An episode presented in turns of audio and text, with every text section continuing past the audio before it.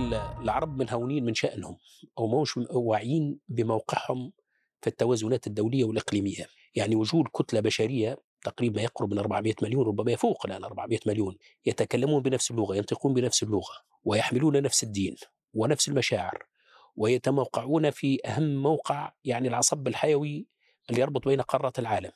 ويتوفرون على المخزون الهائل من النفط والغاز الطاقة الحيوية التي تشغل الاقتصاد العالمي. أهمية إسرائيل متأتية من هذه وأهمية فلسطين أيضا متأتية من هذه النقطة.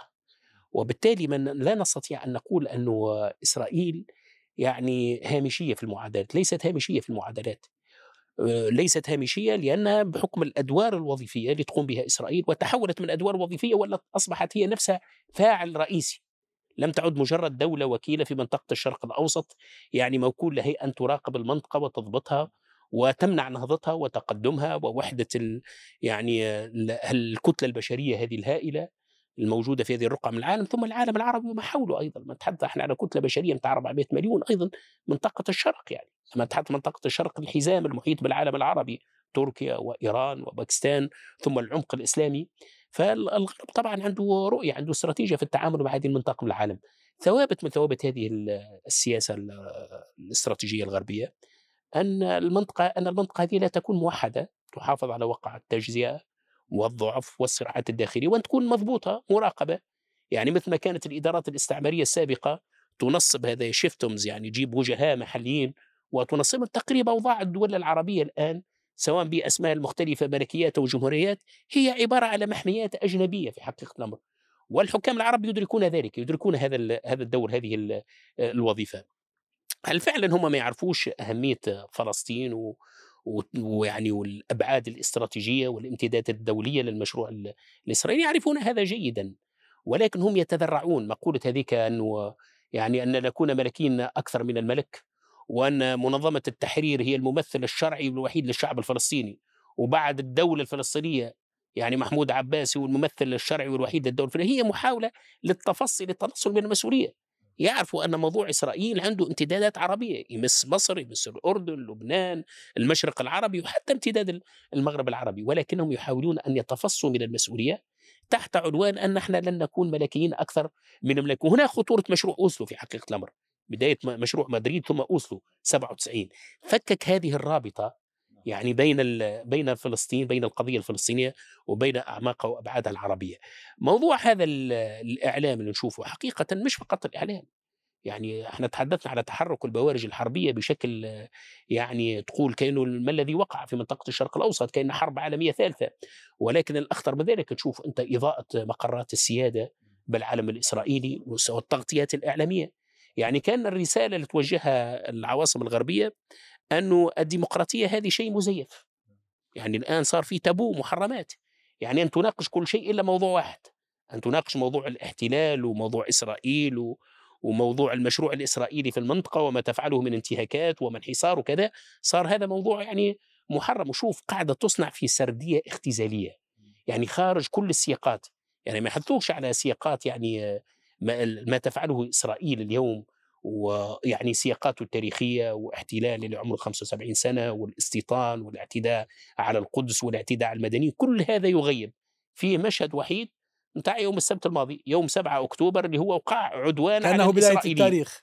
نعم كان بداية التاريخ ونهاية التاريخ هناك. مسبوق ليس أمرا غير مسبوق في في الغرب.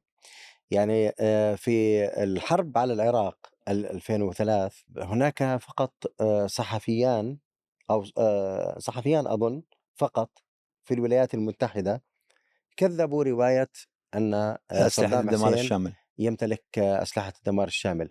وكتبوا ما مقالا صغيرا أو مادة في صغيرة نيويورك في نيويورك تايمز ثم دفعوا ثمنا كبيرا لذلك. وبعدين لما ثبت صحة كلامهم نعمل أخذوا جائزة ثم عمل عنهم حتى فيلم درامي قبل سنوات.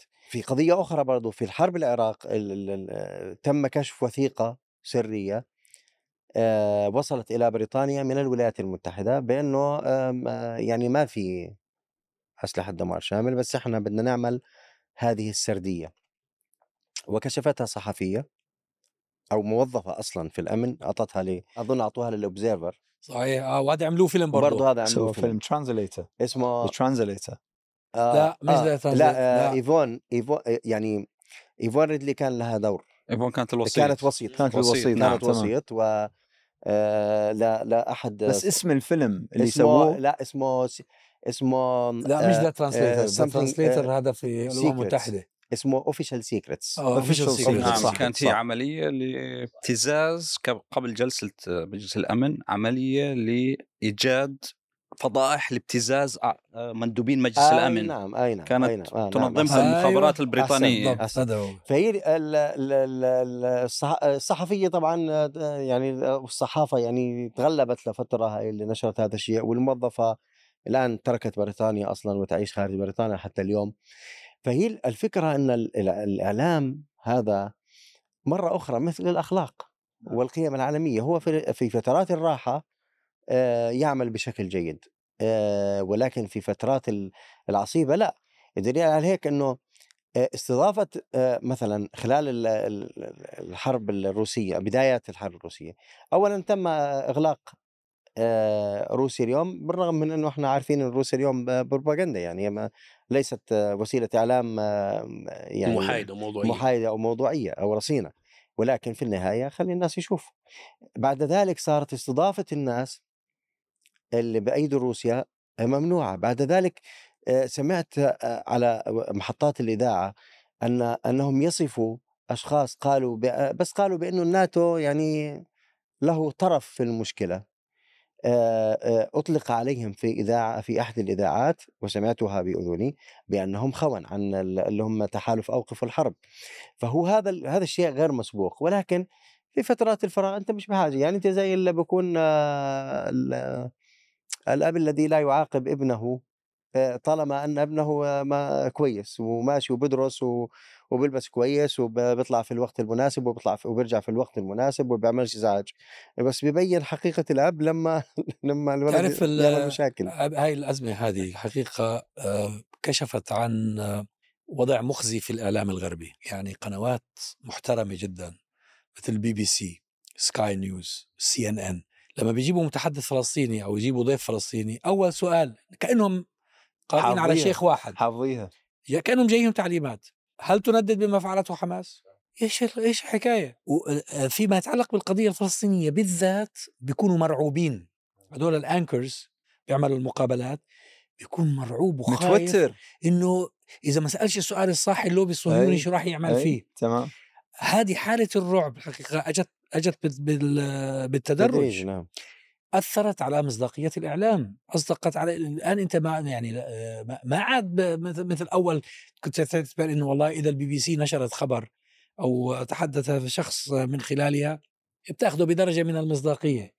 هذه المصداقية اهتزت اهتزت تماما. أبو ناجي أحد الصحفيين نعرفه صاحبنا يقول أنه من أصعب المهام التي تعطى للمقدم الذي سيقابل الضيف إما على نشرة الأخبار أو على تقول له يعني أنت مقابل الناطق الفلسطيني أنت تقمص شخصية يعني الإسرائيلي الذي يريد أن يدافع عن القضية الأخلاقية. يقول لك يعني هذه من أصعب المهام وأكثر الدورات التي كان يمر بها المقدم في البي بي سي ولا Channel Four ولا كذا هي دورات كيف يتعرض وينافح عن موقف إسرائيل. على فكرة في ناس شرفاء استقالوا ما استطاعوا يكملوا. أنا بعرف أنا بعرف ناس أصدقاء في البي بي سي استقالوا. هو أنا تقديري يجيهم حتى تعليمات. إذا ما فيش تعليمات مكتوبة هم يدركوا في ثوابت السياسة الخارجية في مسائل تتعلق ما يسمى بالمصالح القومية في قضايا الحرب وفي قضايا السلم قضايا كبرى كلهم يصطفوا وراها. يعني في السردية الرئيسية اللي يبنيها الإعلام في مساحة حرية طبعا في القضايا الداخلية في الصراع بين الأحزاب في موضوع ال tax في خيارات كثيرة. لكن في قضايا استراتيجية كبرى تتعلق بسياسة الدولة وبتوجهات الدولة كل الصحفيين يلتزموا بشكل أو بآخر وتصير في نوع من الرقابة الذاتية. الصحفي لازم يفهم الخطوط الحمراء بالضبط. وفي سردية رسمية لازم يتم اعاده قو... إنتاجها. في قوائم سوداء في ناس ما تجيبوهم ولا تكثروا منهم. خاصة المقنع آه. المؤثر هذا أحد أصدقائنا الآسيويين اللي يشتغل في واحدة من القنوات المهمة. يقولنا بأنه وقت ما تصير قصة في فلسطين أو في إسرائيل في فلسطين بالأخص يقول ذا في ذلك اليوم ترى أكثر الناس يمرضون فما يجون على الشغل. بياخذوا أجازة. يقول لك أنا أنا أريد أوخر عن هالموضوع هذا. ليش؟ لأنه سيطالب بشيء هو ربما غير مقتنع خارج فيه ضميره الصحفي أو على الأقل يقول لك ما أقدر ما أقدر. يعني أنا هذا الفلسطيني ما أقدر أجادله. يا سيدي الكريم اليوم في سكاي نيوز في مقابلة مع آه، رئيس الوزراء الاحتلال السابق اللي هو بنت بنت. مم، بنت فبنت بسأله المذيع يقول له يعني ما كان في بينهم حوار سابق وبعدين بيكمل بيقول له ماذا عن آه، الأطفال ال- الموجودين في المستشفيات اللي الآن الكهرباء لما تطفي على ال- على الخداج الحواضن ال- الحواضن آه. آه، حيموتوا فجن جنون رئيس الوزراء ال- كيف تسأل السؤال؟ واصبح يقول له أنت عن جد بتسألني سؤال زي هيك؟ جاي تسألني أسئلة عن عن ال- المدنيين الفلسطينيين؟ يعني شوف الخطاب. وبعدين آه، استمر يصرخ ويقول له آه، إنه هذا عار عليك. يعني تخيل لوين آه، كمية الضغط التي تحصل على ال- المذيعين. بينما وطبعا هاي مباشرة تتبعها مئات إن لم تكن آلاف الشكاوى وسوف والرسائل والإيميلات ضد المقدم طبعاً طلعوا سيفتح- المقدم سيفتح تحقيق طبعا أريد أن أشير في عجالة فقط آه، طارق آه، عن هذا الموضوع وهو أنه في بداية الحرب العالمية الأولى ال- الثانية عفوا. الثانية نعم. عفوا تمت إقالة آه، رئيس هيئة الإذاعة البريطانية البي بي سي اللي كانت ال- ال- المؤسسة الوحيدة في ذلك الوقت يعني ال- ال- المسموع آه، المرئي في آه، المسموع عفوا في ذلك الوقت تمت إقالته لأنه رفض أن يعمل كوسيله حرب وجاء آه، مدير جديد وقال لهم بشكل مباشر نحن الآن في حرب إن- انسوا كل المعايير. وبالتالي هذا الأمر آه، هو ممارسة دائمة. ومرة أخرى هنا يجب أن نستدعي الحالة عندنا عربيا إنه كيف إحنا العرب اليوم يستكثروا المؤسسات العربية تستكثر ان تصف الفلسطيني الذي يقتل بطائرة من الاحتلال، لسه مش المقاتل ال- الذي يواجه مقاتل آخر، الطفل الذي يقتل بطائرة بشكل مباشر لا يقال عنه شهيد، أو آه، تقول مواجهات أو آه، مصطلحات أخرى.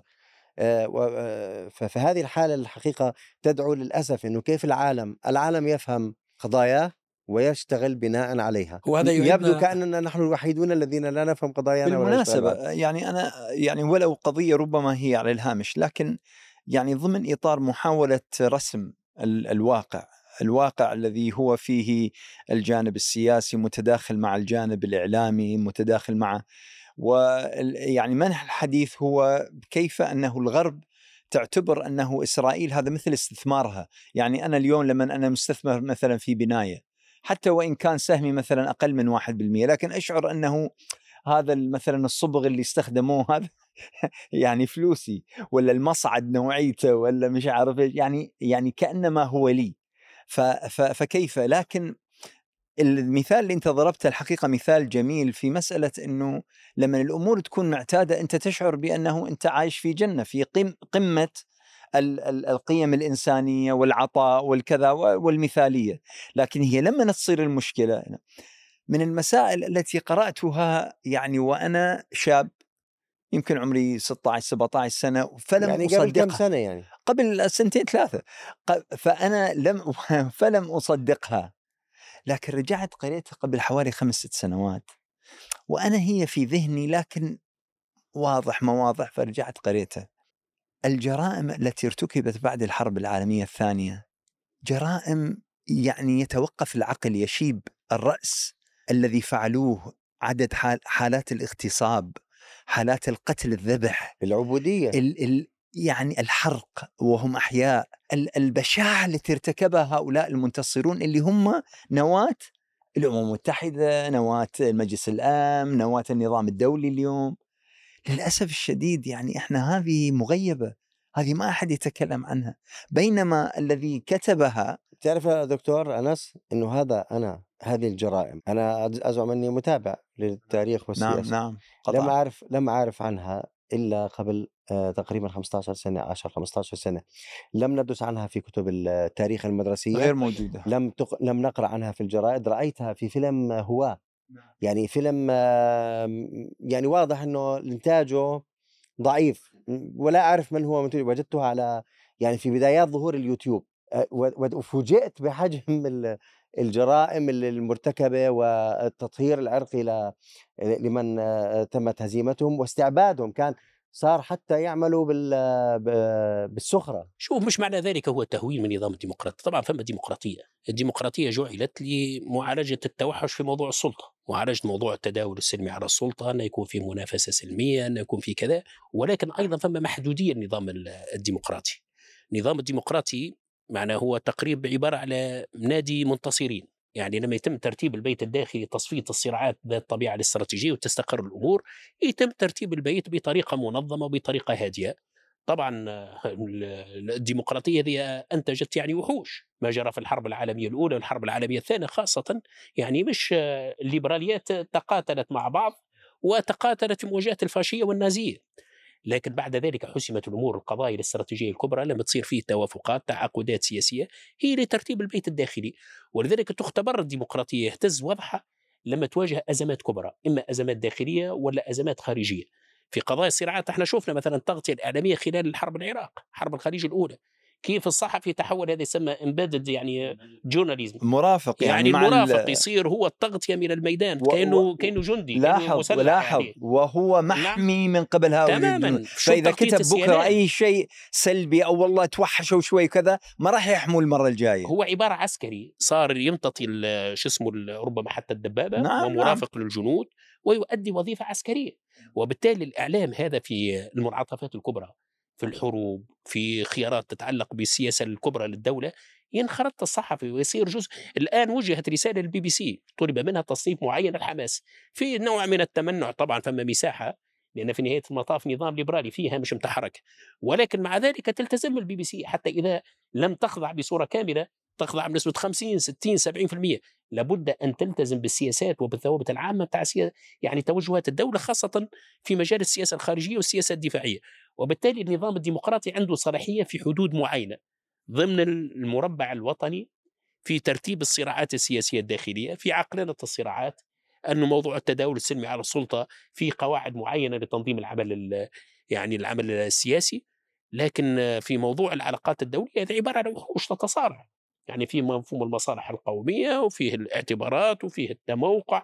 فتنسى هذه كل القيم الإنسانية والأخلاقية وموضوع الديمقراطية يصير ثانوي طبعا. في تقرير رويترز عن اتجاهات الإعلام آخر تقرير بين أنه الثقة بوسائل الإعلام التقليدية تراجعت. الثقة الأولى بالمؤثرين والموجودين على اليوتيوب ووسائل التواصل الاجتماعي لسبب اعتبرت المؤسسات التقليدية الإعلامية جزء من استابلشمنت يعني هي تعبير بشكل أو بآخر عن الاتجاهات العامة التي تحكم السلطة بغض النظر عن هذا الاتجاه. آه، طبعا آه، هناك مؤسسات آه، إعلامية عريقة ديمقراطية وإعلام حر ولا يقارن ما ممكن نقارن بالإعلام الموجود في في الدول العربية أو الدول الصين وروسيا وما إلى ذلك ما في مقارنة. لكن يظل هذا الإعلام آه، محكوم في الاتجاهات العامة للمصالح القومية للدول. يعني مثلا حرب العراق أفضل مثال على الإعلام أنه اضطرت نفسها نيويورك تايمز تعتذر عن تغطيتها الحرب ومشهور هذا الاعتذار. الحرب الأوكرانية الحرب الروسية على أوكرانيا. طبعا روسيا دولة معتدية ومش غريب إنه كل الإعلام في العالم وخصوصا الغربي إنه لكن لم يتم هناك طرح وجهة نظر فقط. بعض الاستراتيجيين موجودين في الولايات المتحدة الأمريكية طرحوا إنه خطأ آه، توسع الناتو شرقا. هذول تم منعهم من الظهور على وسائل الإعلام التقليدية واستبعدوا تماما. فقط لأنه مخالفين للتوجه العام. للكونفنشال ويزدوم الموجودة يعني الخطاب العام الموجود. لذلك رغم إنه الإعلام بالدول الغربية هو بلا شك هو الأفضل مقارنة بالآخرين لكنه بضل محكوم في القضايا والاتجاهات العامة للسلطة. طبعا واحدة من الأمور اللي بتحكم الإعلام أيضا اللي هي الادفرتايزنج الإعلان. هم يهددونهم بسحب الإعلانات ومصدر أساسي لتمويل وسائل الإعلام غير الرسمية. طبعا البي بي سي ممول من ال tax payers من دافع الضرائب.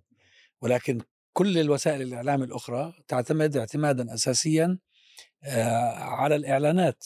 وهذا سبب من الأسباب اللي خلى الجارديان تغير مسارها في السنوات الأخيرة. يعني الجارديان قبل 20 سنة غير الجارديان اليوم أو أو حتى الجارديان قبل عشر سنوات غير الجارديان اليوم. هو شوف حتى في ال social media الآن الغريب في الأمر الآن شوف التغطية بتاع الفيسبوك. الآن فيه قيود كبيرة وكبيرة جدا وتويتر أيضا. وجهت له تهديدات معناها بعقوبات من الاتحاد الأوروبي. فهم مضطرين يعني في نهاية المطاف هو الفرق بين المنظومة الاستبدادية في تدخل فج يتدخل الحاكم السلطة تتدخل بصورة مباشرة بقوة التهديد أو بقوة المال أو أو.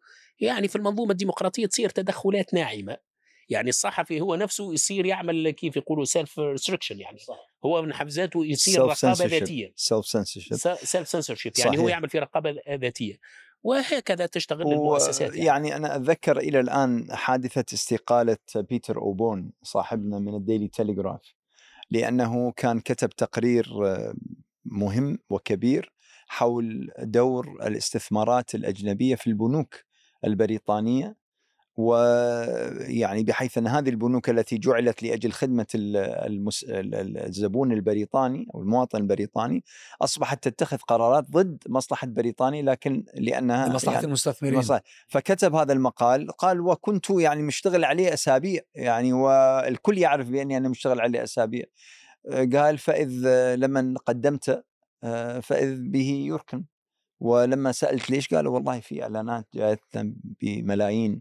من هذه الدولة أو تلك ولذلك ما نستطيع أنه يعني فقال لا أنا ذاك الوقت خلاص يعني وجدت هو طبعا ما في يعني بدون شك لا يوجد حرية كاملة ولكن أيضا حجم الفجاجة هذه المرة بالغ. بالغ يعني هي المشكلة المشكلة فراس في النفاق فيستعمل يستعمل المعايير في قضية ويتخلى عنها في قضية أخرى. هو هي المشكلة. يعني هو لو يطبق نفس المعايير مع الجميع بصير ما فيش مشكلة كبيرة. في هو الآن هي أصبح هي, هي, هي الأخطر من ذلك الإضافة اللي تفضلت فيه إنه هو وهو يمارس الفجاجة اليوم يتحدث إليك من وهو يعتقد أنه يقف على أرضية أخلاقية.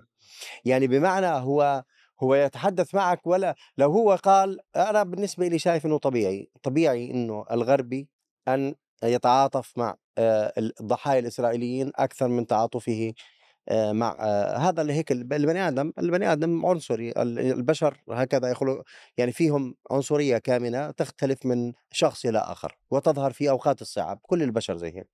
لكن المشكلة إنه هو وهو يمارس العنصرية وهو يمارس الفجاجة والتزوير حتى يتحدث إليك من من أرضية أخلاقية ويقول لك بأنه لا هو هذا الموقف الأخلاقي.